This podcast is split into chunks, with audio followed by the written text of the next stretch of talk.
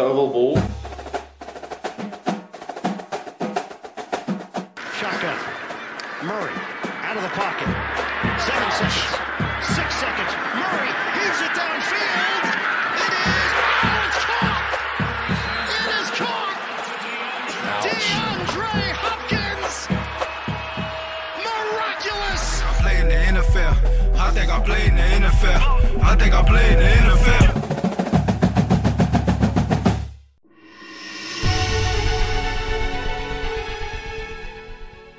Hjertelig velkommen til ovalball. I studio i dag kun meg, Stian Syversen.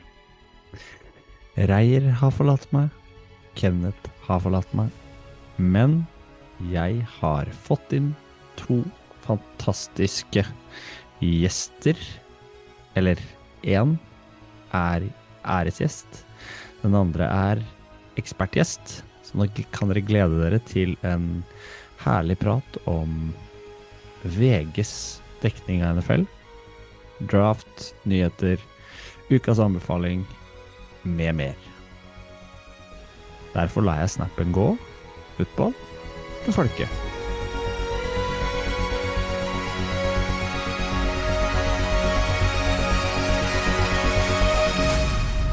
Nytt panel, altså. Vi har vært så heldige å få med oss uh, Sander Daleng som ekspertvikar. Uh, topper jo selvfølgelig Kenneth og Reier og går det i en høy gang. Det skal ikke så mye til. Hei, Sander. Hei. Takk for sist. Takk for det. Takk for sist, ja. Og du får hjelpe meg litt i dag, for vi har fått med oss en, eh, en hedersgjest som skal snakke litt om Skal vi si, det er vel blitt NFL-gudfaren i Norge. Oi, oi, oi. Mattis Holt, velkommen. Hei, tusen takk. Herlig å ha deg på besøk. Vi snakka om det her eh, for lenge siden, at vi måtte få til en eh, ny date. Ja, ja jeg må, bare komme over at du kalte meg gudfar, men jeg, jeg tar den. Jeg tar den. Ja, du, den sendinga her skal jo få handle litt om eh, VGs dekning av NFL-sesongen som har gått, da. Som egentlig var eh, er vel den første sesongen som har blitt eh, sånn gjennomdekt av eh, et norsk mediehus på den måten. ja, det kan vel eh, kanskje si det. Jeg har jo, jeg må si at det, det har vært en liten drøm å få lov til å jobbe med det på, på måten jeg har gjort også. Det var jo nesten, nesten derfor jeg ble journalist. Det var sånn veldig, veldig tidlig. Fra da jeg liksom begynte å hadde, Det var det her jeg hadde lyst til å, å jobbe med. Så fikk jeg NFL-interessen samtidig, og så var det sånn Ja, jeg skal sikte meg inn på at jeg, jeg skal jobbe med NFL, liksom. Det tok ti år, men i år så har jeg endelig fått muligheten til å jobbe med det gjennom en hel sesong, og det har vært helt fantastisk, så ja. Ja, Vi er ikke sjalu i det hele tatt. Ikke misunnelige. Vi syns ikke det har vært noe stas å følge med på. Eh, Nei. absolutt ikke. Jeg, jeg syns du har en håpløs jobb. Ja, det er Så, helt så jeg tenker vi, vi skal snakke en del om, om det. Så vi gjør vi det litt sånn uh, i oval ball on, da, sånn som vi pleier, og snakke litt om, uh, litt om godt nytt siden sist. Og Sander, det er ikke så lenge siden du var innom sist, men uh, det går rykter om at du har praksis? Lærepraksis? Ja, eller slavearbeid, som vi kan Slavearbeid kan det har det blitt, ja. Ja. Nei, så det er nesten tolvtimersdager sånn fra man forlater hjemmet til man kommer hjem. Eh, Hva er det her for noe? det Det, er jo slavearbeid. ja, i glad dugnad sånn. Så Du vet, eh, praksisveilederen din får ganske godt betalt. ja, det eh, Ja, vi trenger ikke å kommentere det, men Det føles litt ja. sånn som college football. Er jo spillerne for ingenting, men treneren for alt. Ja, nei, så jeg driver jo og jobber i kulissene for uh, NIL-deals og sånn. Eh, men eh, det er ikke samme marked, altså. Det er ikke det. Du vet jo at læreryrket er et kall, det. Ja, men ja. Uh, det betaler er ikke fortsatt det er jo ganske mye bedre betalt enn uh, Ja. en krone null, da. Så Men ellers, da? Har du lange igjen? Uh, ni Uke, dager. To. Ni, ni dager teller ned. Det Så så søkte jeg Jeg fikk faktisk innvilga permisjon på bakgrunn av religiøs tru for å være hjemme en dag ekstra i påska. Så Oi. det fins hull i Smutthull i regelverket? Ja ja, det, Ja. det vet vi alt om. Skjer det noe annet gøy på privaten, da? Det er ikke så mye afterski eh, om ei uke, så Ja, du skal opp og stå på ski. ja, jeg skal selvfølgelig stå på ski. Det er nordnorsk eh, påske. i Finland, da. Verdens eh, lykkeligste land.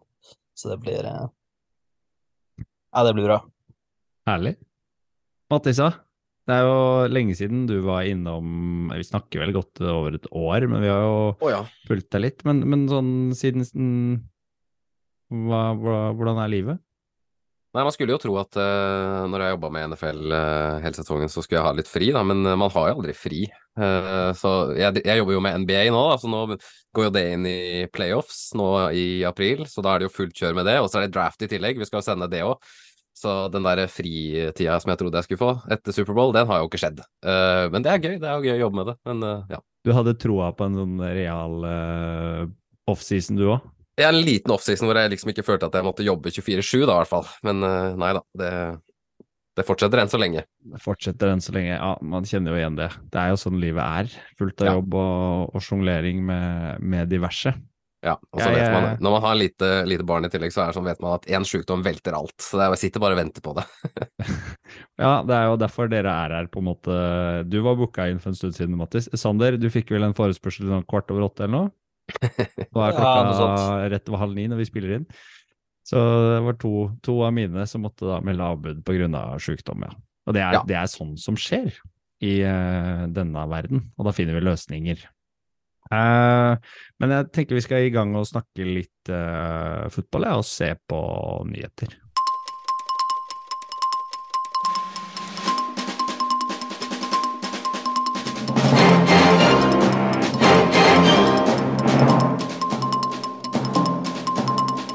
Nyhetsspalten uh, kommer jo i dag kanskje først og fremst å dreie seg om de siste nyhetene rundt Lamar Jackson, som sprakk nå tidligere i dag. Eh, hva tenker du om det, Mattis? Lamar Jackson vil bort fra Ravens, det visste vi kanskje, men nå har han levert inn eh, requesten òg. Ja, eller vi, vi skjønte jo at uh, det skurra litt her, og at han ville ha den der garanterte kontrakten som Ravens ikke vil gi han, og så er det full uh, clinch, uh, og han vil åpenbart vekk. Eh, og den trade requesten eh, som han nå offentliggjorde da, på Twitter, eh, den er jo ikke ny. Han, eh, ifølge han selv, har levert inn den eh, 2. mars. Eh, og det har jo ikke skjedd noe siden 2. mars. Uh, det har jeg heller ikke vært ute. Uh, sånne, sånne ting pleier å lekke. Og så har han kanskje blitt irritert over det at det ikke har lekka, for han vil ha lyst til å få interesse for, for en trade selv. Så han går da ut og smeller det her ut i en rekke tweets i stedet, midt under pressekonferansen til John Harbaugh. Det er ikke tilfeldig. Jeg kjenner det er de som jobber i Han sier han representerer seg sjøl, men Ja. Det er jo klart han har noen på bakrommet som hjelper han litt grann på vei her. Eh, Ja, eller jeg vet ikke. Det kan fort hende at en medie, altså en, en eh, assistent eller et eller annet ville eh, En rådgiver ville sagt ikke gjør det. Eh, Ikke, ikke, ikke terg John Harbaugh ved å slippe det mens han står og mottar spørsmål fra journalister. Det er en veldig typisk uh, spiller eh, som har en chip on his shoulder og er drittlei manøver. Som jeg for, for øvrig hyller. Ja, det er jo eh, eksepsjonelt digg for oss som sitter på Sitter på gjerdet og bare kan eh, observere og, og kose oss med, med alt det showet som, som kommer offseason. Hva tenker du, Sander, om Lamar Jackson? Vi har jo snakka om det før, men Nei, jeg tenker jo at det som skjer nå, er at Falcons må eh, bare slippe det de har, og komme seg til uh, forhandlingsbordet med Jackson. Eh, altså, Arthur Smith fikk jo Tannehill til å se ut som en fattigmanns uh, Lamar, så uh, hvis han får uh, Lamar faktisk inn i sitt uh, offense, er det jo Jeg skjønner ikke hvorfor de ikke skal gjøre det. Eh, Det, det kommer rapporter om at de var et av de første lagene som var out eh, på Lamar Jackson, som Mm. er veldig rart. Ja, det er kjempemerkelig. Eh, for Og så har eh, Det er mulig jeg har misforstått det, men eh, han er jo på non-exclusive franchise-dag. Mm. Eh, og så snakkes det jo da nå at han eh, ja, levert inn tradeforespørsel, men betyr ikke det at lag kan forhandle med han? Jo, jo, eh, de kan forhandle med han, og så er det vel, det er vel sånne harde rykter om at uh, han skal ha den garanterte kontrakten, og det er liksom, det er ingen som har lyst til å gi han det. Det er ingen som har lyst til å liksom nærme seg det engang. Jeg tror, det er vel der det står, at de vil ikke For de vet at hvis de gir den kontrakten de Dijon Watson ødela jo alt for alle uh, GMs i hele NFL med den garanterte kontrakten, og det er ingen som har lyst til å gi det til noen, liksom. Så de vet at det, det neste som gjør det, uansett om det blir Falcons eller Ravens eller hvem det blir, så kommer de til å bli uglesett av resten av ligaen, fordi de fortsetter på den trenden. da. status er jo ingen tør å, å bla opp like mye, og det er surefjes på, på grunn av Deshaun Watson, som du sier, Mattis. Og jeg, det er jo der Lamar Jackson Han setter seg sjøl høyere enn Deshaun Watson. Han er en helt annen type og, og har jo ikke havna i samme problemene heller, og han føler vel at klubben eller Ravens da ikke ser hans verdi. Det var vel det det sto litt sånn mellom linjene av de, de Ja. tweetsa han la ut også. Og det er vel der han har surna og føler han fortjener bedre. Men for å si det sånn, jeg tror Patrick Mahomes hadde fått den garanterte kontrakten hvis han krevde det.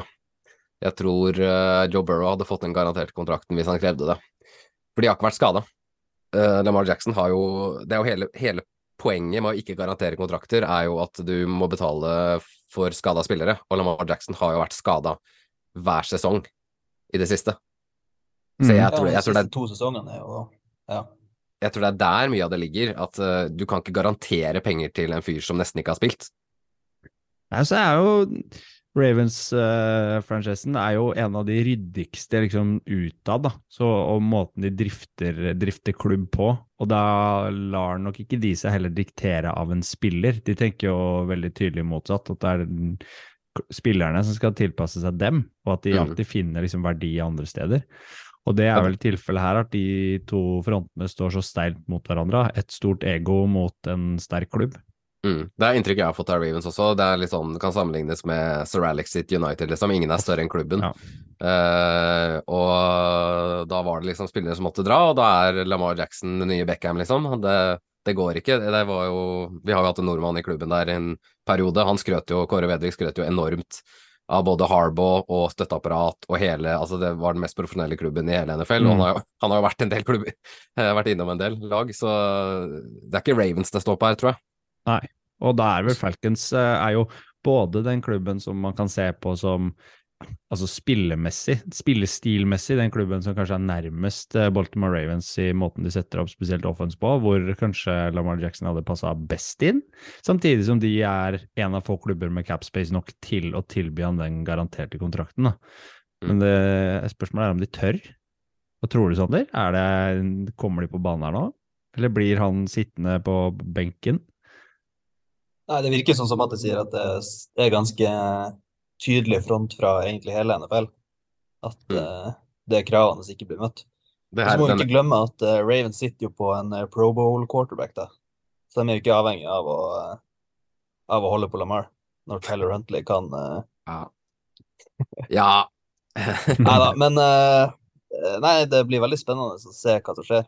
For det er jo sånn som dere sier, at eh, hvis han nå får garantert kontrakt, så Da bærer Det galt av sted. Da må de sette opp salary capen enda mer til neste år. ja. Det som gjør det ekstra interessant med Falcons, er jo at de har jo Michael Wick. Alle husker liksom storhetstiden til Michael Wick i Falcons og drømmer seg tilbake dit, da, alle fansen der.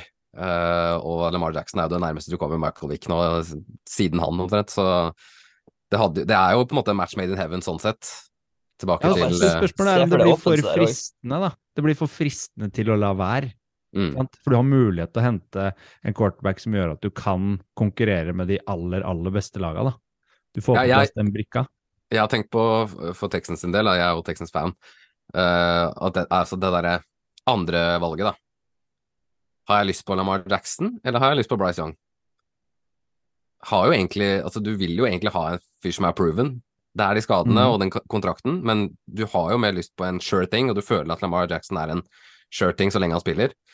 Så jeg, jeg har jo tenkt at jeg hadde ikke blitt sur hvis Texan trader uh, second overall for Lamar Jackson. Det er ikke utenkelig at de kan uh, by deg på litt der heller. Men uh, hvis du skal spå, Sander, hvor står vi om uh, fire måneder i Lamar-sagaen? Jeg tipper fortsatt det er Ravens. Det er ingen som Ingen som trader for han, og det er samme Status quo? Ja. Jeg lurer på om han har brent den broa nå, altså. Du tror det? Og Det er det, jeg mener, det er det jeg mener med Ja. ja, Det er det jeg mener med Altså, John Harbaugh er nok eh, utad eh, veldig sindig og sånn, men jeg tror han kan bli ganske sur på bakrommet. Så jeg tror ikke han var så veldig happy for måten Lamar eh, håndterte det greiene her på i dag, altså. Nei, han er Ja, hvis du hørte pressekonferansen også fra altså Ravens Gem under Combine, så sa han jo hinta ganske ja, ganske indirekte til at det var helt håpløst å drive og forhandle med Lamar uten agent. Eh, Ja. Ja, det hjelper liksom ikke at de har med seg fagforeninga i ryggen der. Eh, ganske stusslig opplegg sammenligna med hvordan en, en agent kjører mediebildet. Og det var jo agenten til Deshaun Watson som til syvende og sist skaffa han den kontrakten i måten han spilte opp mediene og lagde furore rundt eh, hans person og fikk bygd ned eh, alt som dreide seg om voldtektssakene og, og rettssaken rundt det. da. Ja, ja, men Ja. altså, det, det Browns gjorde der, det kommer man til å se tilbake på og bare Hva i alle dager, liksom? Ja, de mista nok eh, masse fans på det, altså. Det er Mm. vanskelig å se det på en annen måte. Men eh, det Men- blir spennende å følge den, ja? Skulle du si sånn Det er bare hvordan funker den franchise-taggen han er på? Er det sånn nå at noen lag kan gå inn og by en høyere tank, på en måte, eller må de til forhandlingsbordet og forhandle en kontrakt med han? Det er sånn at hvis ikke, hvis jeg har forstått det riktig, så er det hvis, eh, hvis ingen byr på den, så må de tilby den kontrakten som ligger i en eller annen, et eller annet snitt, eller som er fastsatt av, eh, av noen summer og algoritmer som er eh, forutbestemt. Men da, hvis det kommer et tilbud, så får Ravens mulighet til å matche det, da. Som Ja. gjør at de kan uh, beholde han. Ellers må, de- må de kompenseres med er det, det er noen pics og Altså, Ravens kommer ikke til å matche noe som helst. Jeg tror de er lei da nå. Ja.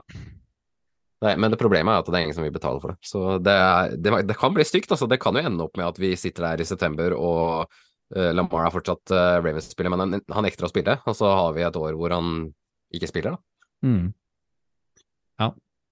Det, tror du det, Mattis?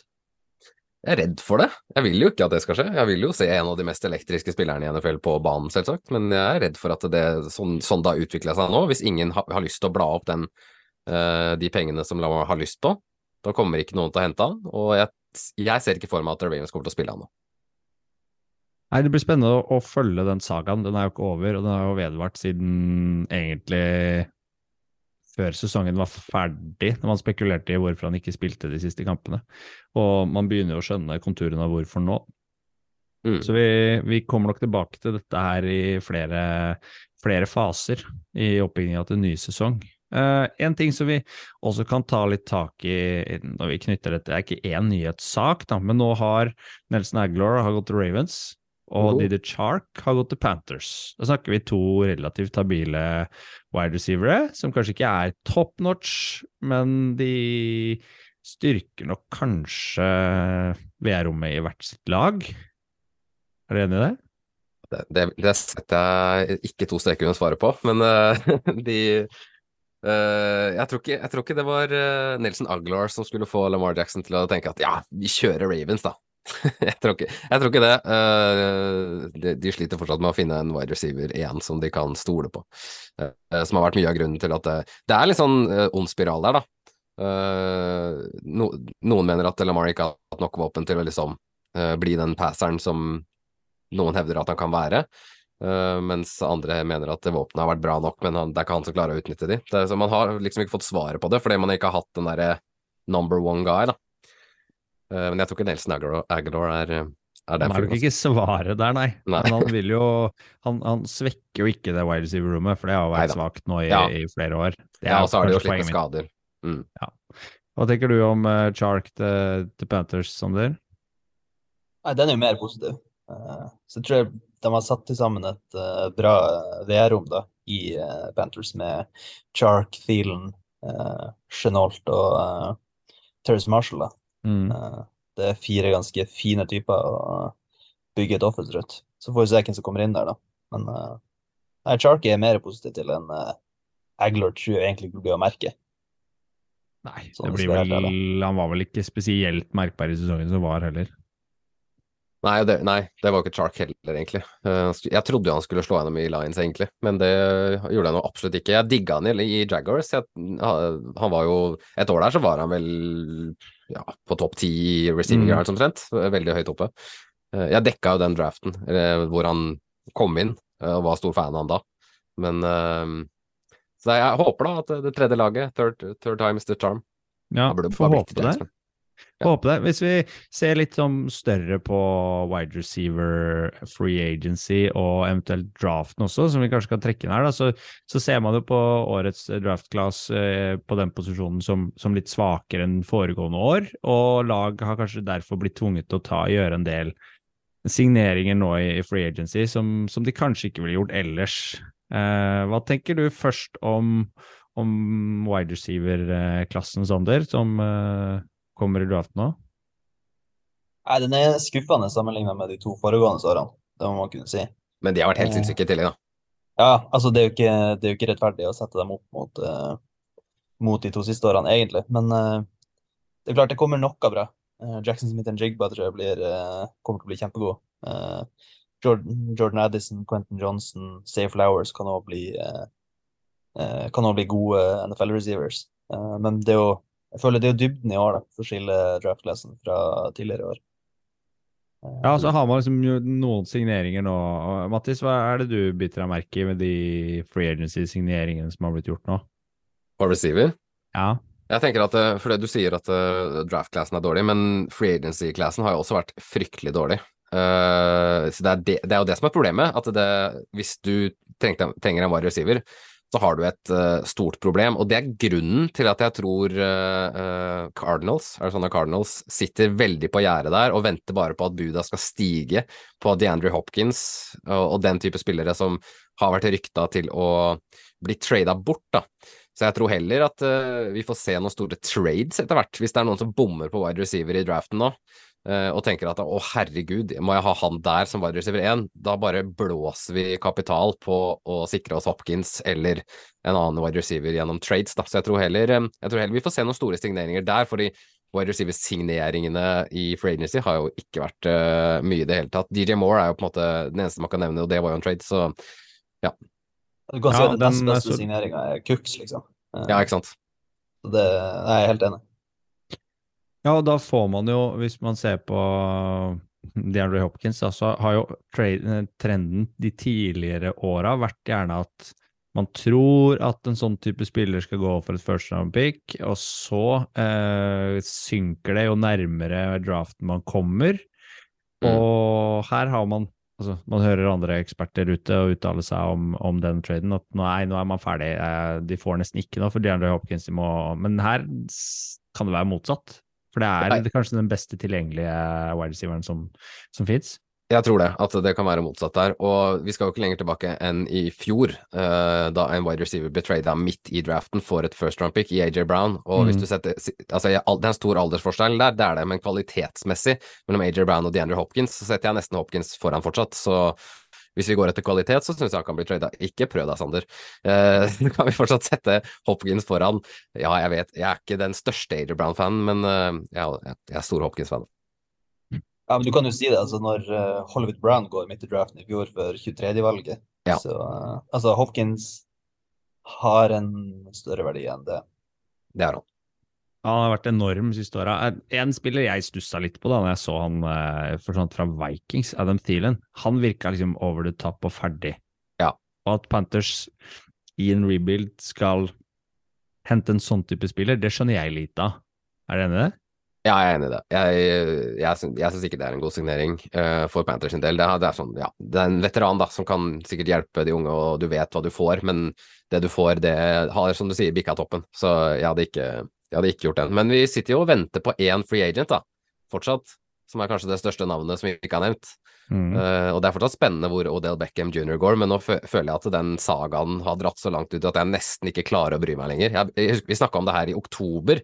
Og sånn, Åh, er det Dallas, skal de signere han nå? Og så har det liksom bare dratt ut og dratt ut. Og så er det jeg, jeg skjønner ikke helt hvorfor ingen har signert han, og nå begynner jeg å tenke at eh, nå begynner jeg å føle føle om Odell Beckham omtrent på samme måte som jeg gjorde om Antonio Brown for et par år siden, hvor jeg bare tenker at ja, ok, da er du ferdig, da. Altså, han blir en litt sånn irriterende fyr å forholde seg til.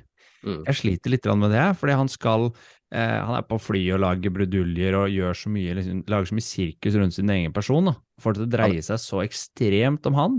Det kan hende at denne episoden på det flyet gjorde at han ikke ble signert in season. Det kan hende at det var greia.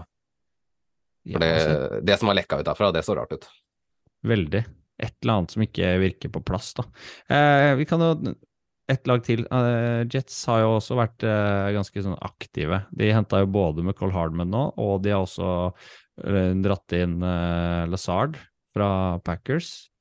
Og det Mm. tror man jo er en, et ledd i signeringa av Aaron Rodgers.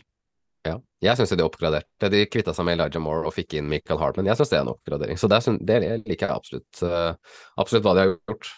Men der òg sitter vi bare og venter. Venter og venter på at eh, noen skal bli enige på bakrommet et eller annet sted. Ja, så går de for uh... det er eh, motsatt, da, egentlig, men uh, at de har jo At den, Ja, at det receiverrommet er blitt dårligere. Elijah Moore er jo en god receiver. Michael Harman Ja, Michael- er kjapp, og Alan Lazard er jo Corey Davis, eh, bare litt slankere og litt høyere. ja, da er vi uenige, men det er bra det, Sander. Ja, jeg, jeg tenker mer de har fått den derre De har utfylt hverandres roller i større grad på det wide receiver-rommet, da. Eh, Ja, de finner litt sånn X Eh, altså, skal vi si spissa ferdigheter på de Elijah Moore ble jo borte i fjor. Det var, man trodde jo at han skulle få breakout, så kommer det inn rookie inn i stedet og tar alle targets. Ja, så er det kanskje sånn at han eh, brente alle bruene med, med trenerstaffen der uansett, så eh, det spørs vel om det hadde blitt så bra, da. Men uh, det er fortsatt litt ironisk at de skal få Locker Rogers uh, til laget, og så er det Hardman og Lazard som kommer inn og liksom skal være skal være trekkplasterne. Men eh, vi får se. Da åssen de utfyller hverandre når sesongen starter. Jeg kan nevne et par signeringer til. Lane Johnson skrev ny avtale med Eagles, right tackle. Han har vært viktig. Absolutt. Det er uh, gull for de. Hvis de skal gå for en repeat, eller ikke repeat, da, de vil jo ikke tape igjen, men gå for en Superbowl, da, så, så måtte de få han på plass. Jason Kelsey tilbake, la ikke opp, så det er uh, det er eh, grunnmuren som eh, forblir i Philadelphia, og det er viktig. Ja, det trengs. Og Bobby Wagner tilbake til Seahawks, han der. Trives Ja, i. Seattle, han. Ja, det var kult. Og så var det jo spesielt gøy å se Cooper Cup-tweeten fra i fjor, det. Han måtte spise en kamel her, ja. Uff, Ja. ja. Ja, det var fint. Skal bli godt å ikke spille mot deg igjen. Welp. Den var fin. Og så kan vi jo ta med oss eh, en skal vi si, Den sagaen kommer jo også til å følge oss eh, frem mot sesongstart. Hvem er det som kommer til å være eh, starter QB i San Francisco 49ers? Eh, Brock Purdy ble kalt av general manager John Lynch the leader of the clubhouse, og det var hans plass å tape. Sier dere til det, gutter? Nei, jeg, vet jeg syns ikke det er eh, kontroversielt nesten å si, ja. Hvis han ikke hadde blitt skada, så er det i hvert fall ikke kontroversielt å si. Men hvis han, hvis han ikke tenker på skaden John Lynch, da, det må han få lov til å se litt bort fra. Så eh, måten Brock Purdy spilte på på slutten av sesongen i fjor eh, Hvis han hadde vært skadefri, så hadde det jo vært sjokkerende å si noe annet. Mm. Du, kan jo ikke, du kunne jo ikke benke han etter den performancen han hadde der, så jeg syns det er helt greit, jeg. Og de de har eh, Ja, nå har de jo kvitta seg med Garoppolo, da, men uh, Lance må vise veldig mye, week one, week two, week tre, hvor han kanskje får starte fordi Brock Purdy er skada, for å få det starta videre sesongen, tror jeg. Ja, det som er så Lance har én kamp på to sesonger, og QB3 der er Sam Darnold, så det er ikke, ikke spinnvilt å si at Purdy er QB1. Nei, det er det, det, er det first round picket, bare. At uh, du skal Hva, hva gjør de med Trey hvis, uh, hvis han ikke får spille, spille nå, liksom? Det er det som er mer interessant. Hva de, om Ja. de kvitter seg med han, trader han Ja. Nei, Jeg tenker jo akkurat det samme. Og så så man uh, nydelige bilder av Brock Purdy ute på pub her nå i helgen med armen i en eller annen form for Hva var det? Det var noen skruer og noe Det var ikke gips, i hvert fall. Det var en eh, hjemmelagd konstruksjon. Det ligner litt på mikrofonstativet jeg har her. Jeg tror han kommer sterkt tilbake, jeg, altså. Han eh, overbeviste alle med det han leverte, og så får vi satse på at det er eh, gull neste sesong også. Jeg tror det er litt blessing in disguise for Selvsagt ikke at de tapte den kampen, eh, men litt blessing in disguise for 49ers at de nå får prøve Trey Lance igjen, da. For det hadde de ikke fått gjort, tror jeg, hvis uh, Purdy hadde vært skadefri. Så nå får de starta han, de får sett hva de har, og så kan de ta en avgjørelse på, på hvem som skal være quarterbacken deres uh, framover. Ja, og der har jeg hevda at det at CMC kom inn der og gjorde noe med det offensive, tok fokus bort fra, fra quarterback og, og måten de spilte på, tok bort masse press. Og Jimmy Garoppolo spilte jo solid før han ble skada, han også.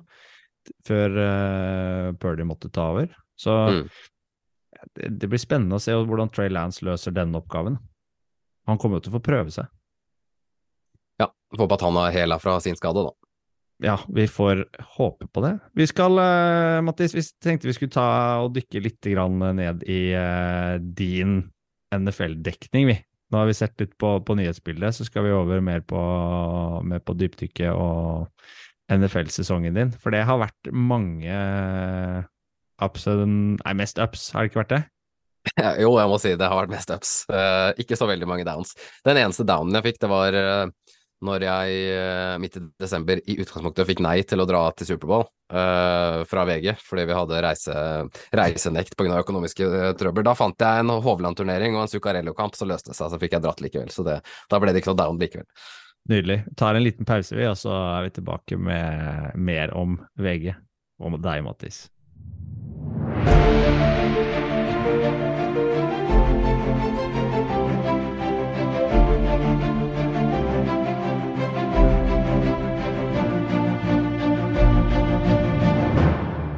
Herlig. Vi eh, har kommet sånn eh, på vei her, Mattis. Vi, vi starta jo litt før, eh, før, vi kom på her og snakket litt om barn. Eh, vi snakka litt om sjukdom. Eh, Reier er jo ikke her, for han er syk. Eh, han har sykt barn. Og Reier var så oppsatt av Jeg vet ikke om Ser ditt barn på det som heter Paw Patrol?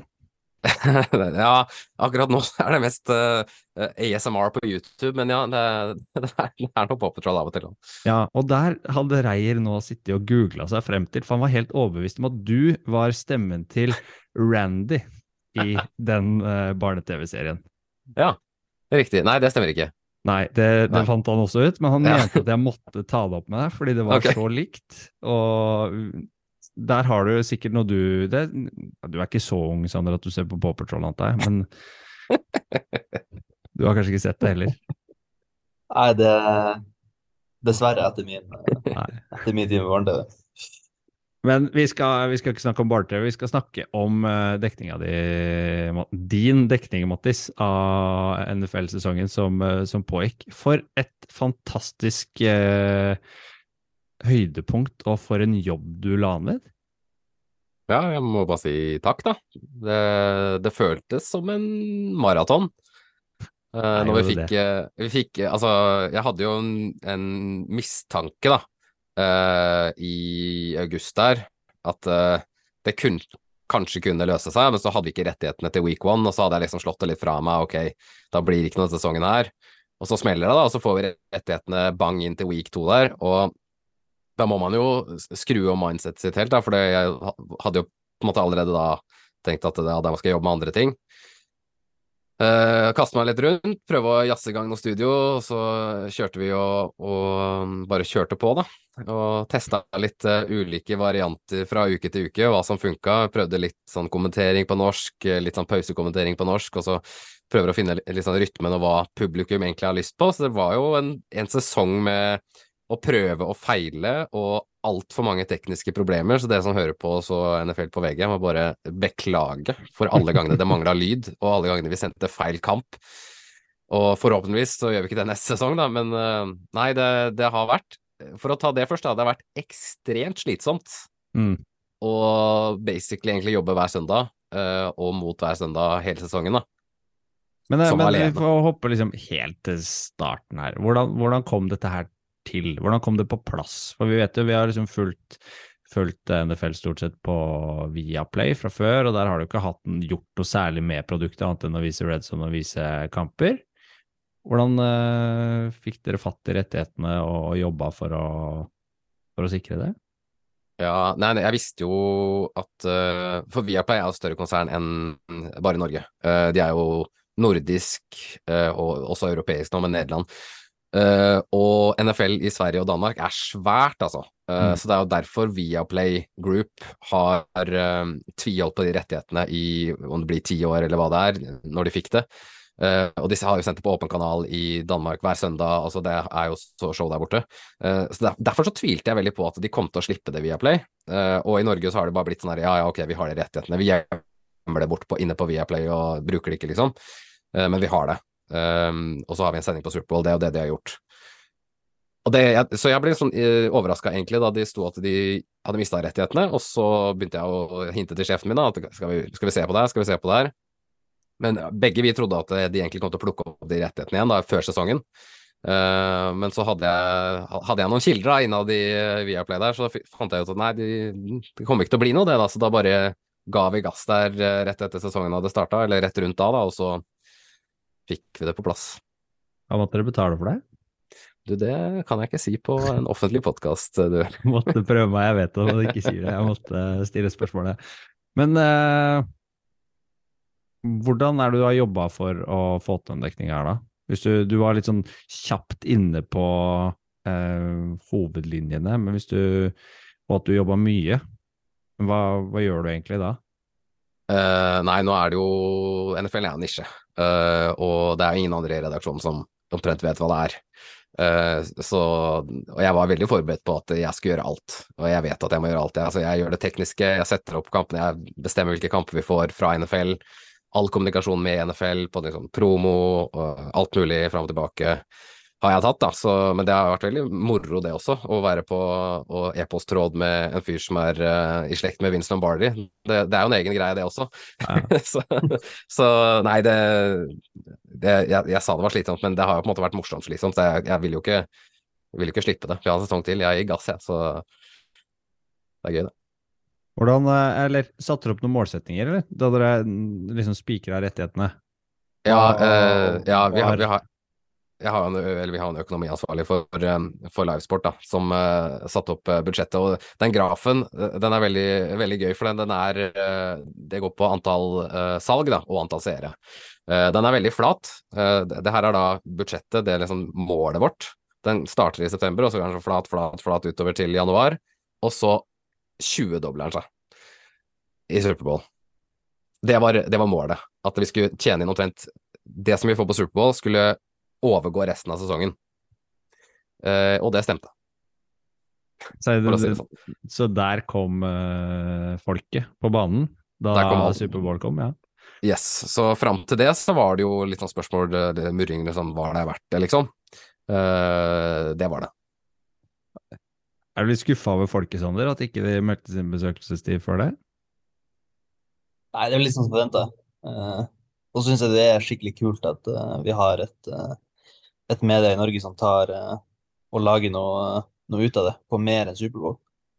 Jeg regner med at det var det du forventa, at det var Superbowl-helga som eh, Sånn som du sier, som skulle dra det, liksom. Eh, Mm. Men hvordan har du merka mottakelsen av eh, VG-NFL sånn på høsten? Nei, sånn eh, kjernen. eh, folk, de, dere, holdt på å si, dere som jeg connecter med på Twitter og på sosiale medier osv., er jo eh, veldig positivt. Åpenbart. Det er jo Jeg har jo på en måte vært ute etter det tilbudet her selv, så jeg har på en måte prøvd å lagd det NFL-tilbudet jeg har hatt lyst til å ha fra Viaplay. Um, og, og med at jeg måtte gjøre alt det selv, så var det bare ja, jeg gjør det, fordi jeg syns at uh, fansen av det, i den idretten her fortjener det, og jeg er Altså, da jeg brenner for det så mye som jeg gjør selv, så har jo det bare vært uh, en, en glede å kunne gjøre. Um, så ja, å ha studio på Thanksgiving, ha studio på eh, litt andre kamper, litt spennende kamper, kjøre norsk kommentering når Bills møter Chiefs, eh, og prøve liksom å skrive litt om det, dekke det. Jeg har fått veldig fri rolle, så jeg må være veldig takknemlig for det, for at jeg har fått muligheten til å gjøre det også. Det, er jo ikke, det sier jo ikke seg selv, det. Så jeg har fått liksom muligheten til å gjøre alt jeg ville selv, og så har jeg tatt meg litt vann over hodet på enkelte ting, og så har jeg kanskje lært noe til neste sesong.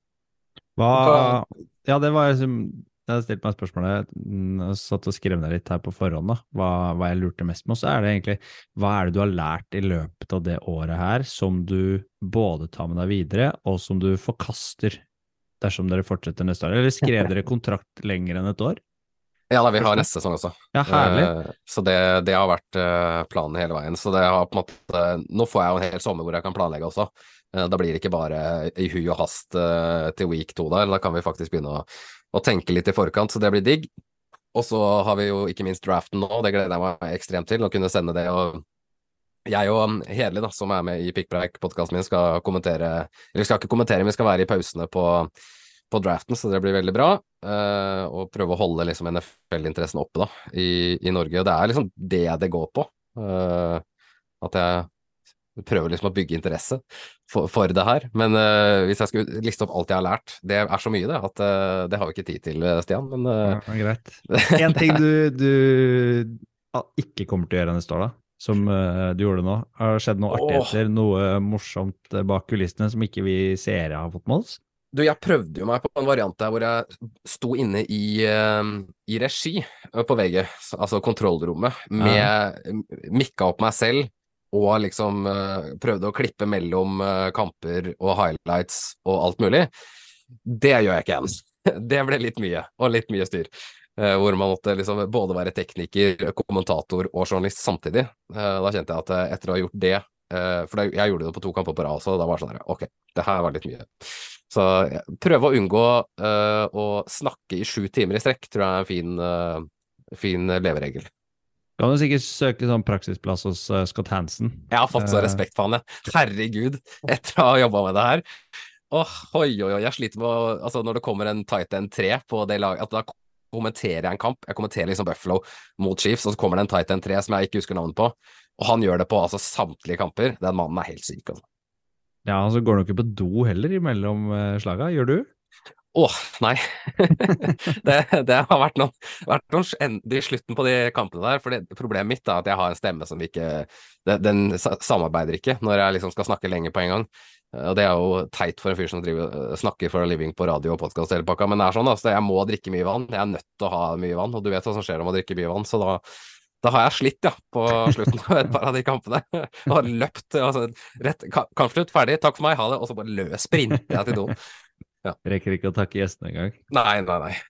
Og Sånn er det blitt. Eh, har du noen ønsker, eh, Sander, for uh, sendinga til VG neste år?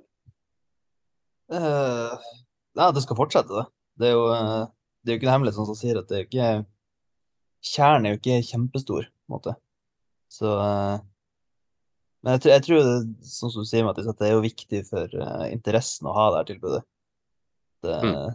Når det er så lett tilgjengelig som på VG, med både ja, artikler og eh, diverse Dere fikk jo prøvd dere på diverse varianter av sending, at det, at det har noe å si for interessen. Det er det som har vært strategien hele veien også, både med NBA og NFL. Og liksom, vi kan ikke bare kjøpe de rettighetene og håpe at folk skal se på, vi må bygge interessen for det også. eh, når vi har liksom en unik mulighet i Medie-Norge, da, for å gjøre det. Viaplay har ikke noen nettside som besøkes av over en million nordmenn i uka, eller om dagen, liksom. Det har vi. Så vi har en, en helt unik mulighet til å bygge en interesse. Så det er absolutt. Og Det er noe av det jeg hyller mest da, av, av måten dere har løst det på. Ikke bare at dere kjører opp mot kampene, men hvordan dere har gjennomført, eller du da, har gjort det liksom hele uka. Sørger for at det alltid kommer noen interessante saker på VG som holder interessen oppe. Og det er kanskje det man har savna sånn i Det krever jo mye å omvende kanskje nordmenn til å bli NFL-interesserte på, på lang sikt. Men Ja, jeg, vet ikke. men jeg tror det er på vei et sted, da.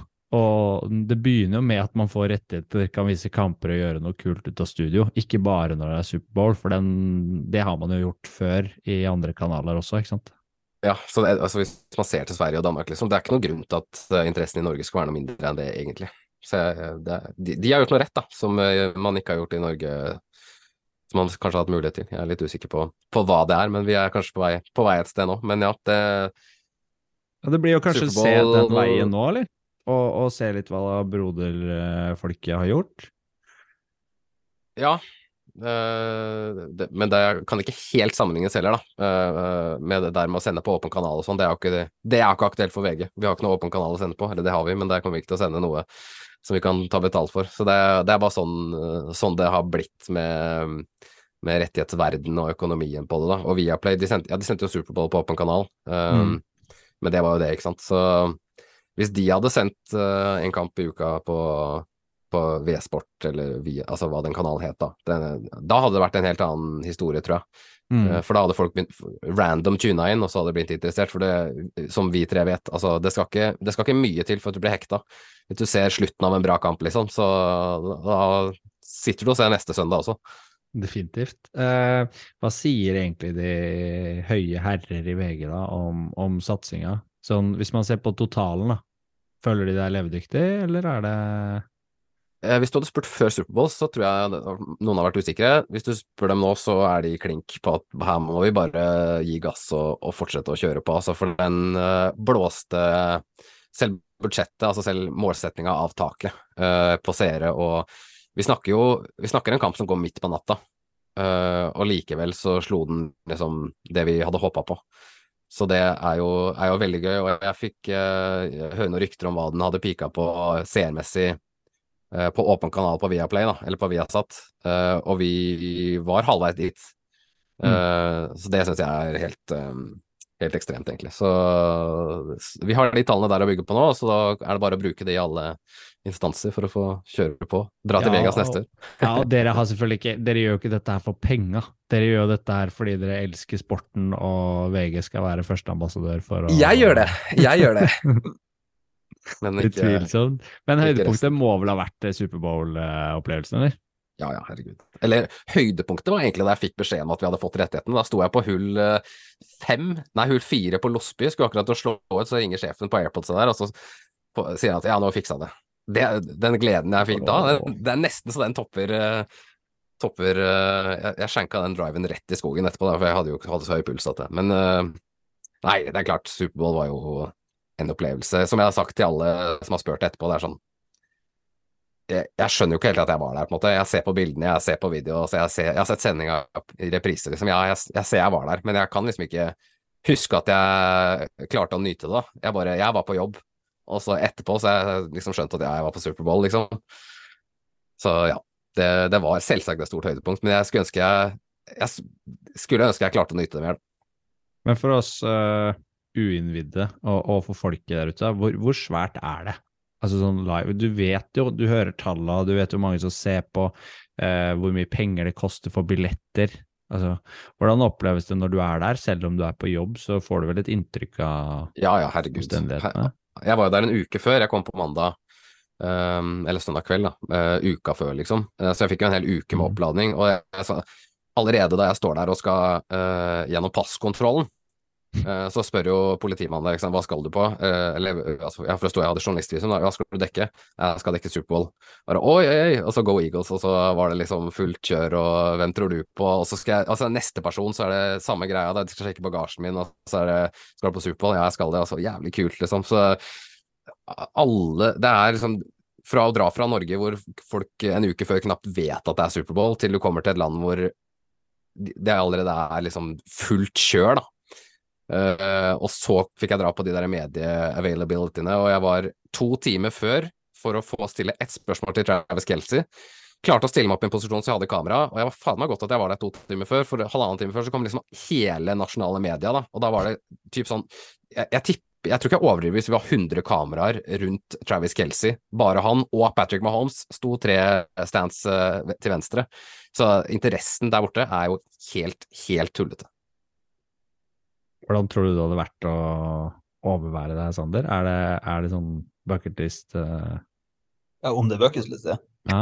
Ja, det er jo altså Og vi snakka liksom om å bygge interessen i Norge, og jeg tenker når vi har eh, så Når det blir bygd en så stor Formel 1-interesse i, eh, i Norge, som er ganske, hvis jeg skal være ærlig, middels eh, publikumsport, så må det jo være mulig TV-serien er artigere enn uh, Ja, ikke sant? Ja, og den er mye bedre òg. Mm. Netflix kommer med NFL-serie nå.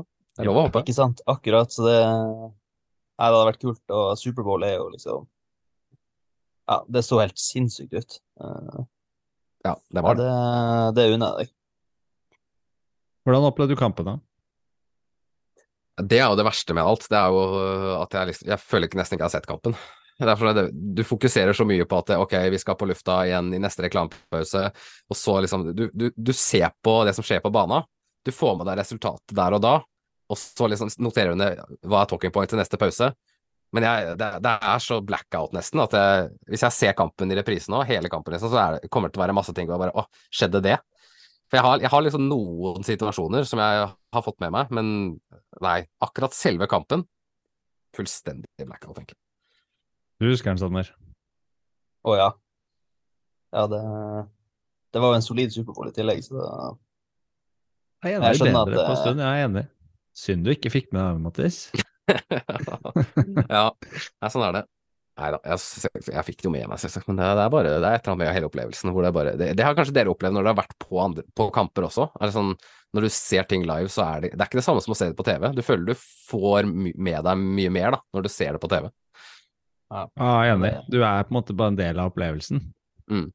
Så flyter du med. Ja, det er helt, helt sant. Og hva, hva bærer Men sånn fremover nå, nå er det, det er offseason, men når begynner du liksom å jobbe med NFL igjen nå, da? Nei, nå har jeg akkurat nå lagd uh, ti podkastepisoder med, med Hedli om draften, og så er det draften. Og så etter det så får vi se da om jeg kanskje kan finne på noe annet uh, i et par, uh, par uker. Men det er nok kjøre igjen fra august, i hvert fall. Når preseason starter, så er det jo bare å begynne å preppe og gjøre seg klar. Nydelig. Vi gleder oss, vi. Vi skal, eh, apropos draften, vi skal dykke litt ned i, ned i den biten òg, vi. Det er det beste jeg har hørt. Dette er gøy. Det der, det er fett. Oval ball anbefaler. Sander, du er jo vår største bidragsyter på eh, nettsiden. Med altfor mange sjuke unger og altfor mye jobb. Du er eh, fattig student eh, og trenger Du får ikke betalt av oss, selvfølgelig. det har jeg ikke mulighet til. Burde kanskje gitt deg noe. Eh, så bidrar du med rangeringer, du bidrar med solide mokker, og du er ekstremt på når det kommer til eh, draft. Nå har du levert eh, to nye rankinger til oss, en om edge og en om cornerbacks. Kan du si litt om eh, edge-klassen først? Eh, ja, nei, som du skrev, så er det en av de eh, Kanskje den beste klassen i, eh, i eh, draften i år. Det er veldig dyp. bra, bra topp. og veldig mange forskjellige typer òg, da. Så jeg tror nok vi vil se store skiller innad i lagene ut ifra hva de er på jakt etter, på en måte. Eh, nå husker jeg ikke helt hva som var hva som var Skal ikke si eh, Ja, 20 stykk med som jeg tipper vi får se gå innen slutten av fjerde runde, i hvert fall. Eh, det er jo ganske Uten å ha tall på hva som har gått tidligere, så er det, det er bra. Det Mm. Solid, Er det konsensus, er det konsensus Mattis, om hvem som er liksom, den beste edge-rusheren i årets klasse? Ja, det er det jo. Det, det er nok veldig få som kommer til å ha noen andre over Will Anderson jr. fra Alabama. Uh, selv om jeg liker Tarry Wilson veldig godt, som uh, Sander er på andreplass her. Uh, men han er jo ikke i nærheten av produksjonen, ikke minst, da, først og fremst til Will Anderson. Den produksjonen han hadde der for eh, et av eh, college sitt, sitt beste lag, er jo uh, nesten unmatched, da, selv om, selv om man ser på de som har vært first overall picks uh, og, og tidlig drafta tidligere, Nick Bosa, uh, Jadavion Clowney, Miles Garrett. Altså, de, de har ikke hatt de, kan ikke, de nærmer seg ikke Will Anderson, liksom. Så han er ikke like syk fysisk som de gutta som jeg nevnte, men eh, han, blir nok, han er nok definitivt konsensus 1, ja. Mm. Ja, hvis noen prøver noe annet, så er det jo for å lage overskrift eller eh, Ja. Bare for å være idiot. Bare for å krangle. Ja. Men det skal Eh. sies at jeg, jeg ganske tidlig i draft uh, sisten i fjor også, så var jeg sykt høy. Jeg mente at ingen kom til å toppe Kayvan Thibodeau. Eh, Da snakker vi tidlig i sesongen, da, men det endte jo opp med å være Trayvon Walker som gikk first overall. Det, ting skjer, altså. ja.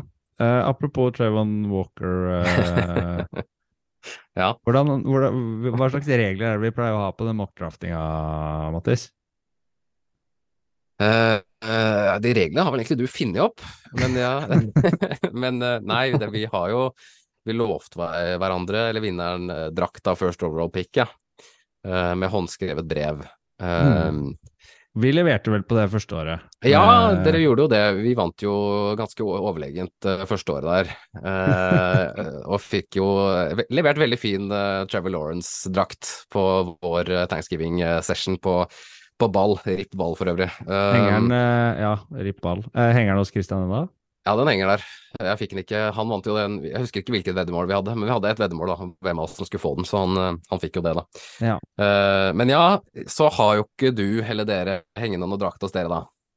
Nei, jeg har noe annet, da. Jeg Ja. leverte noe. Ja da, jeg, jeg, jeg fikk sendt uh, Det er i, i alle fall håndskrevet, og det står Walker 44. Nei, nei jeg kan, jeg kan eh, Jeg må også bare beklage, men det, der er altså en helt usaklig historie på hvordan postvesenet ikke bør fungere. Eh, men det begynner jo Jeg er veldig føre var her. Jeg, jeg var jo i Vegas i fjor og så draften med Christian. Eh, og etter første runde så innser jeg jo at vi har tapt. Eh, og tenker at nå skal jeg være smart, nå skal jeg bare kjøpe den drakta med en eneste gang mens jeg er her i Vegas. Eh, sånn at jeg slipper å styre med liksom frakt og moms og alt drit etterpå. Mm. Så dagen etter draft, uh, og det ble noen enheter, da, uh, kan du si, på draft day. Eh, Sjokkert Ja, da. jeg ja, ja, så, ja, så jeg husker kanskje mindre av draften enn Superbowl av andre grunner, på en måte. Jeg husker at jeg sto der og skreik en Jaggers-fan opp i trynet da vi drafta Derek Stingley, men det kan vi ta en annen gang. Eh, I hvert fall dagen etter så våkner vi, og jeg og Christian er ganske Vegas eh, dag to, på en måte. Eh, men jeg skal ha den drakta her, så jeg drar med meg Christian til Forum Shops, da, som er den der lange eh, kjøpesenteret inne i Caesars Palace. Eh, dere skulle sett altså, Den Christian Wessel som jeg hadde med meg innover der, han burde ikke vært i dagslys, egentlig. Eh, men eh, jeg fikk da i hvert fall be innover der, og selvsagt ligger selvsagt ligger NFL-shoppen innerst da, i denne eh, shoppinggata. Nettopp. Ja, som ligger innendørs, man får ikke frisk luft heller. Uh, men vi kommer oss inn innerst der, begynner å se etter drakter. Og de har jo selvsagt ikke noe Draymond Walker-drakt der. De har jo de, de, de har ikke rekke å trykke det her, det har jo, her har jo ikke jeg tenkt at skal være mulig, ikke sant. Men de har jo, ikke, de har jo ingen draftvalg der inne, som er sjokkerende når det er Vegas det er draft der. Men så det ender opp med at det går ikke. Det er heller ingen blanke drakter, så jeg kan heller ikke kjøpe en blank Jaggers-drakt og, og trykke Trang Walker på en drakt her, da. Uh, så da bruker jeg jo da uh, Når vi kommer ut herfra, så må jeg bare sende Christian hjem. Han kan jo ikke være med kan ikke være ute blant folk lenger, så han må jo bare få lov til å dra til hotellrommet. Men jeg drar jo da for å se på runde to og tre, hvor de også hadde draktsalg, da. Uh, og det er altså så dritvarmt, så jeg ender opp med å bli solbrent og det som verre er, da. Men nei, ingen drakter noe sted, ikke noe sted. Og det er bare sånn Til slutt så må jeg bare gi opp, da. Eh, og dra hjem fra Vegas tomhendt. Mm. Ja, Uh, men man gir jo ikke opp, for dette er jo da i april. Dette, er, at, dette er jo viktig også. Man må jo stå ja, for dette. du her. skjønner jo at jeg har jobba litt, da. Ja, ja, ja. Ja. Definitivt. Ja. Men, du, Du, ja, men- du pleier å legge på litt når du forteller, men det er greit. Jeg tar Nei, den. nei. Uh, så det er jo åpenbart viktig, for jeg er jo ikke en mann som ikke holder mitt veddemål. Nei. Øh, Det vet jeg. Så det dette skal jeg få på plass. Så på flyplassen hjem, da, så går jeg inn på uh, NFL Shop og bestiller drakta, da. For der ligger den ute. Uh, hjem til meg. Uh, og det, hva som har skjedd etter at jeg gjorde det, det kan ikke jeg helt forklare. Men eh, den har i hvert fall på et eller annet tidspunkt blitt sendt. Det har jeg ikke fått beskjed om. Eh, den har på et eller annet tidspunkt kommet fram til Rema 1000 i Ellingsrød. Det har jeg heller ikke fått beskjed om. Eh, da, er, nå er det kanskje tre eller fire måneder siden jeg bestilte den. da. Og så kommer jeg på sånn i august der, bare, nei, i alle dager, jeg bestilte jo en drakt, jeg. Så går jeg inn da, uh, og tracker den ordren her. Og så dagen før så har den blitt returnert, da. Fra Rema 1000 Ellingsrød. Da, altså, det, det er, den har ligget der i liksom fire måneder, og jeg har ikke fått noe beskjed om at den har kommet. fordi amerikanerne har jo ikke klart å skrive postnummeret mitt riktig, ikke sant? eller de har, liksom, de har skrevet adressen min fullstendig feil. Eh, så den blir sendt i retur. Jeg prøver å få stoppa den. Jeg bare ringer posten, ringer liksom Nei, den er tilbake på vei til Belgia. Ok. Uh, så da, da røyk jo den. Så skal jeg inn og bestille på nytt, da, for jeg tenkte jeg må jo få fiksa det her. Da skipper de ikke lenger til Norge. så ja, uh, til slutt så må jeg bare gå inn på en sånn derre random lag det selv-side, da. eBay-aktig kinesisk side. Hvor jeg liksom skriver inn Walker 44 Jaguars. Jeg tenker ja, det, det får i hvert fall en reserveløsning, da. Uh, den, har jo, den dukker jo selvsagt heller ikke aldri opp, da. Så det, i november, eller når når det var, da, så sender jeg, tilbake, sender jeg melding til han som skulle selge meg den drakta, eller skulle lage den drakta. Jeg har ikke fått den. Tar det ti, ti minutter, så har jeg fått pengene tilbake på konto. Så det var åpenbart forsøk på scam, da, tenkte jeg. Og da sender jeg jo de ram, rammene og sånt til dere. Men, Stian, så skjedde det noe rart i januar. Havna det en pakke i posten min De gjorde med en drakt. Ja. Hvor det sto Trayvon Walker. Nei! Så jeg har fått drakt i posten. Til slutt så dukka den opp. Så du skal få tilsendt den her etter den podkasten her. Åh, nydelig. Likevel. Ja, den skal opp på Så har du håndskrevet brev, har du allerede, så skal du få Ja, drakt ja, i posten. Å, fy fy. Dette her hadde jeg ikke trodd. Nå tok du meg på en- en senga. Dette her var helt nydelig. Den har du spart på lenge, selvfølgelig. Dramaturgen. Så klart. Nei, men Mm. For en fantastisk historie. Sander, du har ikke fått med deg alle detaljene her underveis, men uh, vi må hylle jobbinga, eller? Ja, men det skulle bare mangle, skulle ikke det? Etter eh, Ja, det skulle det. tapt konk og fått Trevor Lawrence-drakt eh, året før, så Men du skal få for den at du står på og går via både Belgia og Kina, si, for å få det Ja, da. Tenk at det var Kina som skulle levere til slutt. Kina, sterkt, ass. Ja. For et land. Eh, men det gjør jo egentlig konkurransen i år eh, enda viktigere, tenker jeg da. Når du jobber så hardt for å levere premien, så Jeg, jeg innser jo nå hvor viktig det er å vinne den konkurransen, da. hvor tungt det blir å tape for min del. Ja. Nemlig. Uaktuelt. Sander, det blir jo deg og meg, Kenneth og Reier er det ikke det hjelper? i. så det blir du og jeg som må fikse dette her. Og så er det Mattis og Hedli, eller? Får dere med dere flere? Kjører Ja, dere sånn som vi, dere har har vært, vi har vært hele gjengen, men nå må jeg bare vurdere om vi skal sette eh, de kloke hoder her og bare bli enige om noe, i stedet for å ta det på måfå. For det, det er ikke aktuelt å tape en gang til. Nei, for vi, vi har ikke gjort det på måfå. Første året var Nei, en test, uh, test fra vår side. Uh, I fjor så var Var du med på den, Sander? Uh, Nei. Nei, i år skal du få være med. Da blir det level playing field, tenker jeg. Ja. Uh, og så stryker vi de to andre. Uh, det tror jeg blir riktig. Ja, klart, Hvis Kenneth skal inn der og bestemme at det er Richardson eh, som nummer én, Kenneth skal er ikke bestemme noen ting. Han har ikke stemmerett lenger. Så enkelt er det. Og han kan få være med og si noe, så kan vi si nei. Det Ja, er, det det er helt greit. Ja. Men eh, vi, vi sklei jo helt ut liksom i praten om uh, Edge-klassen, da. Eh, og hvis vi hopper til uh, Trevor Walker Hvem er det som topper Trevor Walker og fjorårets første round pick eh, ved siden av Will Anderson, da? Hvem som er bedre enn han? Ja. Det er vel sånn som uh, Matti sa i stad, at uh, Tari Wilson er, er nummer to, da. Eh, og bedre enn det jeg syns Traven Walker var i fjor. Eh, han er jo først og fremst helt Altså, den størrelsen er jo ikke matcha i, eh, nærmest i eh, noensinne, hvis jeg ikke tar helt feil. Eh, altså vingespenn på eh, tilsvarer en mann på hva er det, 7-2. Eh, er det helt absurd lengde på han. han eh, Menneskelig Eh, albatross. ja, virkelig. Eh, og han har Ja, han har alt som skal til for å kunne bli en, en eh, dominerende edge rusher i, eh, i NFL. Men så er det jo mange som er skeptiske, da. For det Han har liksom ikke de pass rush movesene og den benden som han gjerne skulle sett. da. Mm. Men uh, kan si at uh, det er jo ikke så rart at han mangler benden han er så svær som han er. Nei. Har du, har du noen favoritt i den klassen her, Mattis? Det er egentlig Tyree Wilson. Det, det er jo liksom Uh, Å si at Will Anderson ikke er favoritt, det er bare sånn da, fordi du har lyst til å gå mot noen andre. Da. Men jeg liker veldig godt uh, tapen til Tarjei Wilson. Han ser, uh, ser ut som et beist, altså. Så, og så syns jeg det er interessant med, um, med Miles Murphy, da, som uh, på en måte er årets uh, Trayvon Walker. De er veldig, veldig like som spillertyper. Og han er jo en som faller nesten ut av first round Mox nå. Mm. Så i år så liker vi ikke den spillertypen, tydeligvis. Nettopp. Ja, det er helt merkelig. Han er vel vil si, ja, Miles Murphy er jo et bedre prospect, synes jeg, enn det Trayvon Walker var i fjor. Eh, så at det skal være så stor forskjell, som sier, at uh, Trayvon Walker ble hypa opp til å gå først, mens eh, Miles Murphy plutselig eh, Mm. er liksom en eh, borderline eh, first rounder. Det, ja, det, det er rart. Det kan ha noe med at Draymond Walker ikke hadde en så imponerende rookiesesong, og så får du et prospect som er ganske likt, og da tenker du at ja, kanskje ikke han er så god likevel.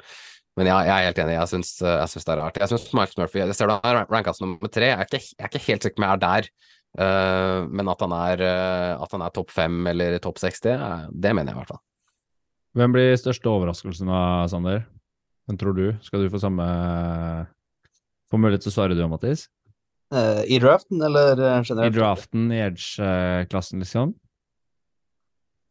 Uh, jeg tror jo Nolan Smith går mye høyere enn han kommer til å levere på banen. Uh, Ja, jeg er redd for at Texas tar han på tolv. ja, det syns, jeg syns det er tidlig. Han, uh, Enig. det er klart at han putta jo på et uh, insane show på Combine, men det, en- altså, det som er skummelt med Nolan Smith, er at han på en måte er den samme spilleren som han var da han kom ut av high school. Han er fortsatt en en helt sinnssyk, en helt sinnssyk atlet med liksom Hvor man driver og spår hva han kan bli. Og så har han jo starta hva det er fire år på Georgia, så man man forventer jo på en måte at det skal være litt mer eh, At han skal være polert, da. Eh, Mm. Men det, han er fortsatt et eh, prosjekt. Så på tolv er det Han kan fort gå tidligere også. Det er det som er skummelt med han. Såpass. Hva tror du, Mattis? Ikke om han, men hva er din overraskelse i Edge-klassen? Jeg vet ikke om jeg kan ha et svar på over... Jeg har en, jeg har en favoritt sånn langt nedi der, som jeg Ja. kan jo late som at det er min uh, en som kan overraske, da.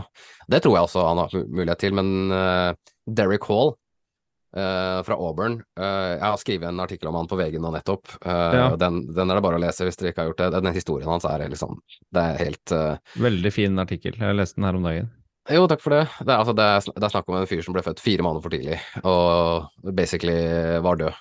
Eh, og legene var sånn 50-50 på om det var verdt å redde fyren eller ikke, liksom, som, som baby. Og så vokser han opp til å bli et monster av en age rusher, eh, som kommer til å spille i NFL neste år. Eh, og det som er så bra med han, det er jo eh, Man skjønner jo at han har en work, work ethic out of this world, da måten han har kjempa seg gjennom adversity gjennom hele livet, men også, man ser det på banen også, måten han bare aldri gir opp, da. Eh, og det er, veldig, det er en sånn svakhet med mange spillere, eller mange edge rushere i NFL, er sånn de, de gir opp når de, det første movet ikke funker, eller når de ikke kommer seg til quarterbacken. Derrick Hall gir ikke opp, ass. Han, hvis han ikke lykkes med første move, så har han et par til. Hvis det ikke funker, så bare river han fyren i bakken, og så løper han etter enten runningbacken eller quarterbacken eller hvem det er, helt til uh, fløyta går. Så det, han er en helt nydelig spiller. Jeg gleder Jeg så eh, Var det jeg så videoen til i, i Combine? Var det Will McDonald? Tror. Ja, med bilen. Ja, Ja. han bilen. Ja. Det er Will McDonald. Ja, det er også type. ja. Syns han var fin. jeg, ja, ja, jeg- Han òg syns jeg fortjener førsterunde-hype, egentlig. Jeg syns han har falt litt, uh, falt litt ut i de siste jeg har sett. Mm. Han feller jo litt i samme, for det var både han og Keon White i, eh, eh, i Georgia Tech. De er jo begge 24 år før eh, sesongen begynner, så jeg tror de Ja, lider litt av det. da. Eh, og Men McDonald har sånn derre Han har noe pass rush Altså, han har jo nesten flest pass rush moves i den klassen her. Måten han kommer seg til QB-en på, er jo veldig, veldig bra. Veldig Ja, morsom han han blir. perfekt, eh. Ja. Uh, Mm. det, vi, vi stopper egentlig edge-praten, så skal vi bevege oss til en annen veldig spennende klasse i, uh, i draften også. Som, du, som nettopp er ute på ovalball.no, Sander. Den ble lagt ut as we speak. Reier eh, klarer å redigere selv om han har syke barn, skjønner du. Eh, Cornerback-klassen. Tenker du der? Det er uten tvil min eh, favorittposisjon i år. Eh, Der og den er dypere enn eh, tidligere, og med mange veldig, veldig gode og kule spillere, rett og slett. Mm. Eh, Han er fra toppen der med Christian Gonzales og Devon Witherspoon til eh, ja, 15 spillere som jeg sånn gleder meg til å, til å se i NFL, rett og slett. Ja, hvem, Ja, eh, hva tenker du om den klassen, eh, Mattis? Du og Hedli har sikkert dykka godt ned i det kaninhullet der òg. Ja da, vi, vi gjorde det. Eller vi har tatt topp fem på alle posisjoner, så vi har vært gjennom fem eh, cornerbacks. Og vi, alle vi er enige om Christian Gonzales. Uh, det, det er bare noe med av og til, hvis du er- ser en veldig atletisk fyr uh, som har et veldig kult navn, så, og en kul drakt, får Altså, det er, det er draft crush med én eneste gang. Og hvis du gir meg de Oregon-draktene med Gonzales null på ryggen, og så er du den atleten med den størrelsen som kan hoppe og ta med deg Fy fader, da har du en draft crush for Mattis Holt, altså. Han er helt, og når du ser han spille, og det ja, Det er noe som er Det er bare så behagelig å se han eh, Yes, han er bare så smooth, liksom. Ja, det er helt eh, Altså, jeg skrev det eneste minuset jeg egentlig har på han, er bare at eh, savner liksom At han er ikke den alfaen på en måte som Saas visste i fjor. Og det Nei. er jo liksom eh, Ja, det er jo ikke noe spesiell, eh, spesielt minus, egentlig. Jeg leste eh, også det, det du trakk fram i, i artikkelen, handler om Devon Witherspoon fra Illinois. Som uh, ikke spilte fotball før kjempeseint, egentlig, sammenligna med en del av de andre gutta. Hvordan rangerer du? plasserte noe på andreplass. Det kan vi avsløre til folk her ute, men uh, hvordan rangerer du han? Han er også veldig, veldig god. Uh, litt merkelig at han ikke begynner å spille før sent. Det fant jeg egentlig aldri svaret på eh, hvorfor. Eh, men han er da visstnok en eh, Sånn som jeg skriver, han er en tapestudy-nerd. Uh, og det ser du òg når du ser han spille. Det er Mm. noen plays hvor det bare Han er liksom på plass der ballen er, før ballen kommer ut. Uh, hvor det Ja, det gir liksom ikke noe mening. Uh, eh, ett play der hvor han kommer seg ut en screen, eller hva det er som bare eh, Ja, det er noe av det sykeste jeg har sett. Det er å se det playet fire, fem, seks ganger før jeg skjønte egentlig hva som, hva som skjer. Eh, så instinktene og eh, arbeidsmoralen er, er visstnok helt, eh, helt sinnssyk. Mm. Og når Han du hadde nok vært corner 1 i ganske mange andre draft classes. Det er det jeg har lest også. Eh, men når du sitter og ser tape, Mattis, og diskuterer med hele etterpå, hvilke egenskaper er det dere trekker frem hos en, hos en cornerback som er superviktig å ha? Når du akkurat på cornerbacks er det veldig vanskelig å scoute. Uh, for mesteparten av det, det som han gjør bra, synes ikke på skjermen, med mindre du har all 22-kameravinkelen, uh, hvor du ser hele banen. Men uh, ballen blir jo ikke kasta til dem, ikke sant? Uh, hvis de gjør det bra. Eh, for da har de jo lokka dem ned. Eh, så det er det som gjør det så vanskelig med akkurat cornerbacks, da, å se hvem som, gode, hvem som gjør det bra. For de som skiller seg ut, da, hvis du søker den spilleren highlights på YouTube, eh, så ser du en spiller som har mye interceptions, eh, og som, har, eh, som bryter pasninger. Og da kan du lett falle for de, liksom. Men det er jo ikke Da har du allerede gjort noe feil, da. hvis du blir kasta mot som oftest i college. Eh, så det viktigste er jo det der med hoftene, da. At du kan klare å flytte de hoftene fortest mulig. Backpedal og liksom henge med hele veien, da. Uten at det skal se hakkete ut. Og det er det jeg mener med Christian Gonzales, som bare ser smooth ut når han henger med folk. Eh, og ikke Det kan jo på en måte være et pluss også, da, at du er, er på, men ikke være for handsy heller, for du vet at det blir flagg i NFL. Eh, Så løse hofter, og fart, selvsagt. Da. Hvis, altså, hvis du mister noen, så må du ha muligheten til å fange det igjen. Um, og så er det liksom det der med ball skills og sånn kommer i tredje rekke, da. Men hvis du har det i tillegg, da har du en komplett eh, cornerback, og da har du en Christian Gonzales. Så kan du legge til det med leverage òg, da. Eh, Så det som er imponerende synes jeg, med Gonzales, er hvordan han har så kontroll på banen, på en måte. Eh, Jeg hørte dere snakka litt om det i eh, den draft season-episoden med corners. Eh, Det å liksom skulle springe med en receiver, men ofte baklengs, da, i starten av Mm. ruta. Så det liksom å klare å plassere seg riktig ut ifra ja, både hvordan du eh, antyder at ruta kommer til å ende opp, eller eh, Ja. Det, jeg syns Gonzales er veldig, veldig flink der. Uh, han ligger ofte i tillegg uh, akkurat der han skal ligge, rett og slett. Bruker sidelinjen Mm. godt og Og der Og så har er du en ting skal... Ja, først Mattis, kjør. Altså, du har jo en ting som er veldig vanskelig å scoute, og som er veldig vanskelig å se, men det er jo instinkter. For cornerbacks må jo De må bare vite når ballen kommer, de. De har ikke tid til å se seg tilbake. De må bare De må liksom se på receiveren når ballen kommer. De må lese receiveren, egentlig, og så gjøre en play på den ballen. Det er mest imponerende, egentlig. Hvordan noen bare har det. Bare vet at Ja, ok, nå kommer ballen.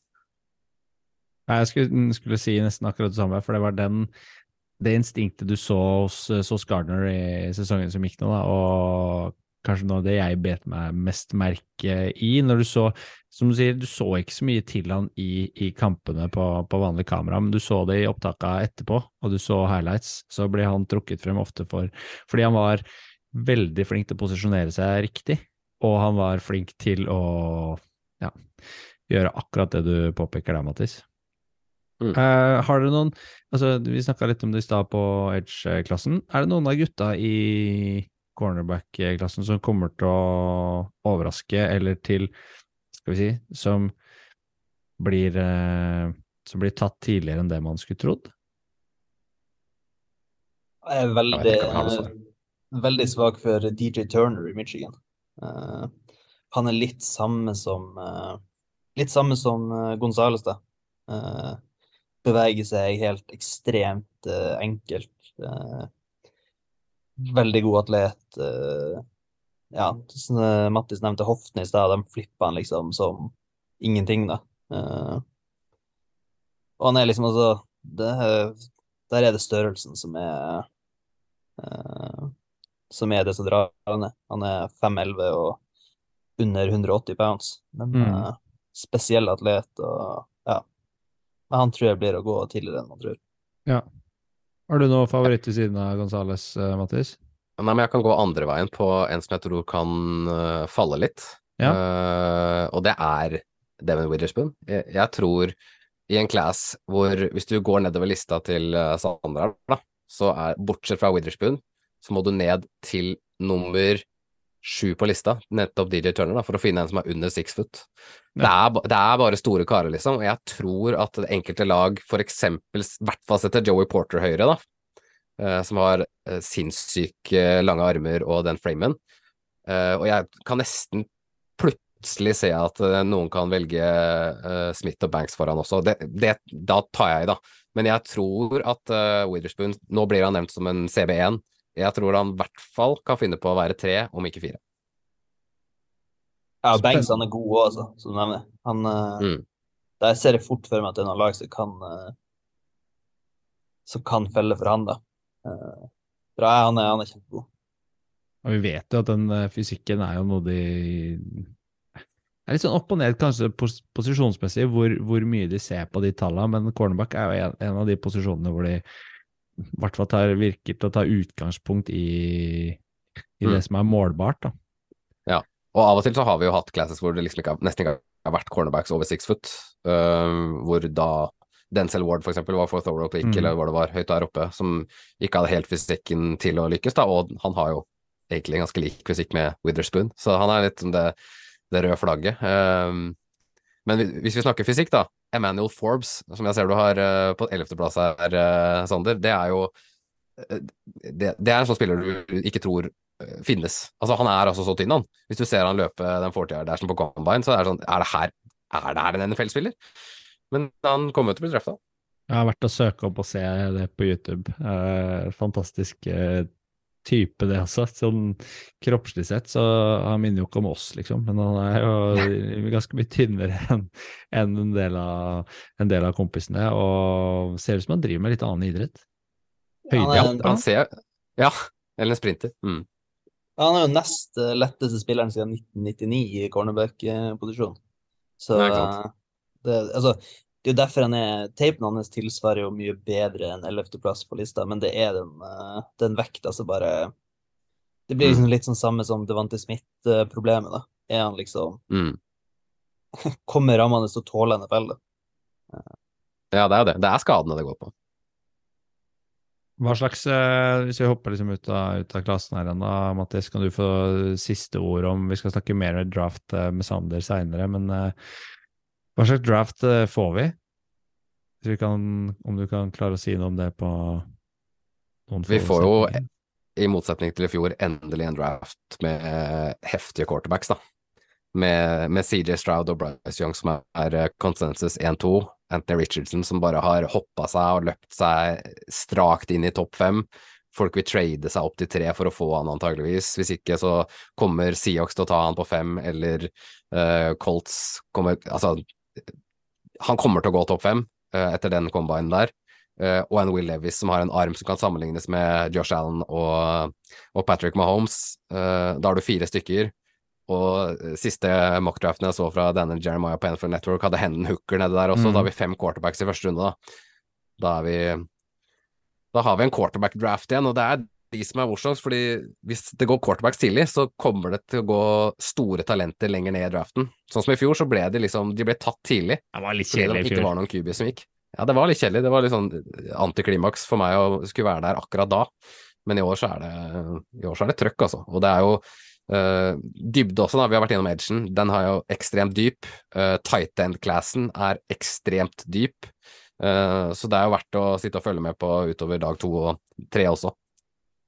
Altså, tenker jeg det, det underholdningsmomentet knytta til trades, og at folk kommer til å bytte, eller lag kommer til å bytte mer posisjoner enn det som kanskje har blitt gjort eh, de siste åra. Eh, mange ser jo på tredjevalget til Arizona Cardinals som en sånn plass som garantert kommer til å bli trada bort av å være Mm. attraktiv for flere lag, da. Eh, og enda mer lenger ned i traden. Og du, du vet lag også prøver å bygge, bygge litt draftkapital, å trader bort noen semihøye semi-høye valg, og litt avhengig av hva som går tidlig. Så, Ja. så blir det ekstra spennende å følge med på. Pluss at det er spillere som kan potensielt bli trada på draft day som i fjor. Hvis man får det i tillegg, da, da, da blir det action. Det er bare å tune inn når eh, det. draften skal sendes. Hvilken dato er det, Mattis? 27. april, eller natt til 28., da. Men uh, vi får se om vi starter rett før midnatt der og lager litt uh, draftshow på VG, da, vet du. Det gjør dere vel, kan jeg anta. Ovalbanen. Fotball til folket. Eh, det her har vært en eh, glede, gutter. Eh, og dette er nok den beste eh, ovalballsendinga vi noen gang har hatt. uh, vi fikk kicka ut de to andre gutta, kan jeg si nå. Uh, Bare fordi Og- du skal få drakt, da. Selvfølgelig. Selvfølgelig. Den skal opp på hedersplassen på, uh, på kontoret her. Helt nydelig. Og, og Mattis, jeg håper vi får tid til kanskje en episode til før, før sesongstart i september. Det hadde vært skikkelig kult å høre liksom, opp mot sesongstart hvordan, hvordan dere ligger an i forberedelsene til, eh, til sending, og kanskje en overrekkelse av drakt eh, blir å gjennomføre også i det momentet der. Det må vi få til. Det hadde vært helt nydelig. Eh, og sånn, Jeg ser nå forresten, vi, vi hylla Kina, men jeg ser nå den er lagd i Honduras. Ja, potato, potato. Fattigmanns Kina. Ja.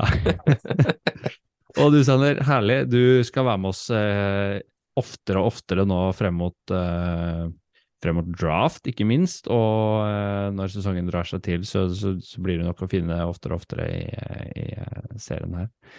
Så tusen hjertelig takk skal dere ha for at dere tok dere tid. Og Mattis, lykke til med forberedelsen til draft, til eh, det å tegne ned mokken. Takk for det. Den er ekstra skal, viktig for deg nå. Jeg skal knuse dere. Jeg gleder meg så fælt til dette her. Det blir fantastisk. Og, og Sander igjen, god påske, begge to. Kan, kan, jeg legge inn, kan jeg legge inn en liten request til akkurat det veddemålet? Kan vi ta second overall pick, vær så snill? Second overall. I At stedet det for er first. det som skal være T-skjorta? Ja, I hvert fall hvis vi vinner. Jeg Altså tenker når vi kan for uh, Jackson Nei, nei, da er det ikke greit. eh, Da, da, da trekker jeg tilbake hvis det skjer. Altså, det, vi kan uh, Den Texans drafter, da. Den Texans drafter vil du ha på, på drakta? For nå er det ja, din tur til å henge på veggen? Ja. Ja, Kenneth og Reir har ikke noe de skal ha sagt, så det, det er greit, Mattis. Du skal få den. Vi skal ha første hvis vi vinner. Okay, det er utvilsomt. Greit. Texans med Levis der. Det blir, uh, blir fint. Helt. det blir fint. Da, da skal jeg kose meg. Den skal jeg kjøpe med glede. Men dette har vært uh, nydelig. Uh, Fotball til folket, gutter. Tror på at folket. Fotball til folket. Do the Titans have a miracle left in them in what has been a magical season to this point? If they do, they need it now. Christie kicks it high and short. Going to be fielded by Lorenzo Neal at the 25. Yeah, give it Pitches to- it, back to Wycheck. He throws it across the field to Dyson. He's got something. 30, He's got something. 50. He's got it. 40, He's got it. 20, 10. He's got it. five, End zone. Touchdown Titans. There are no flags on the field. It's a miracle. Tennessee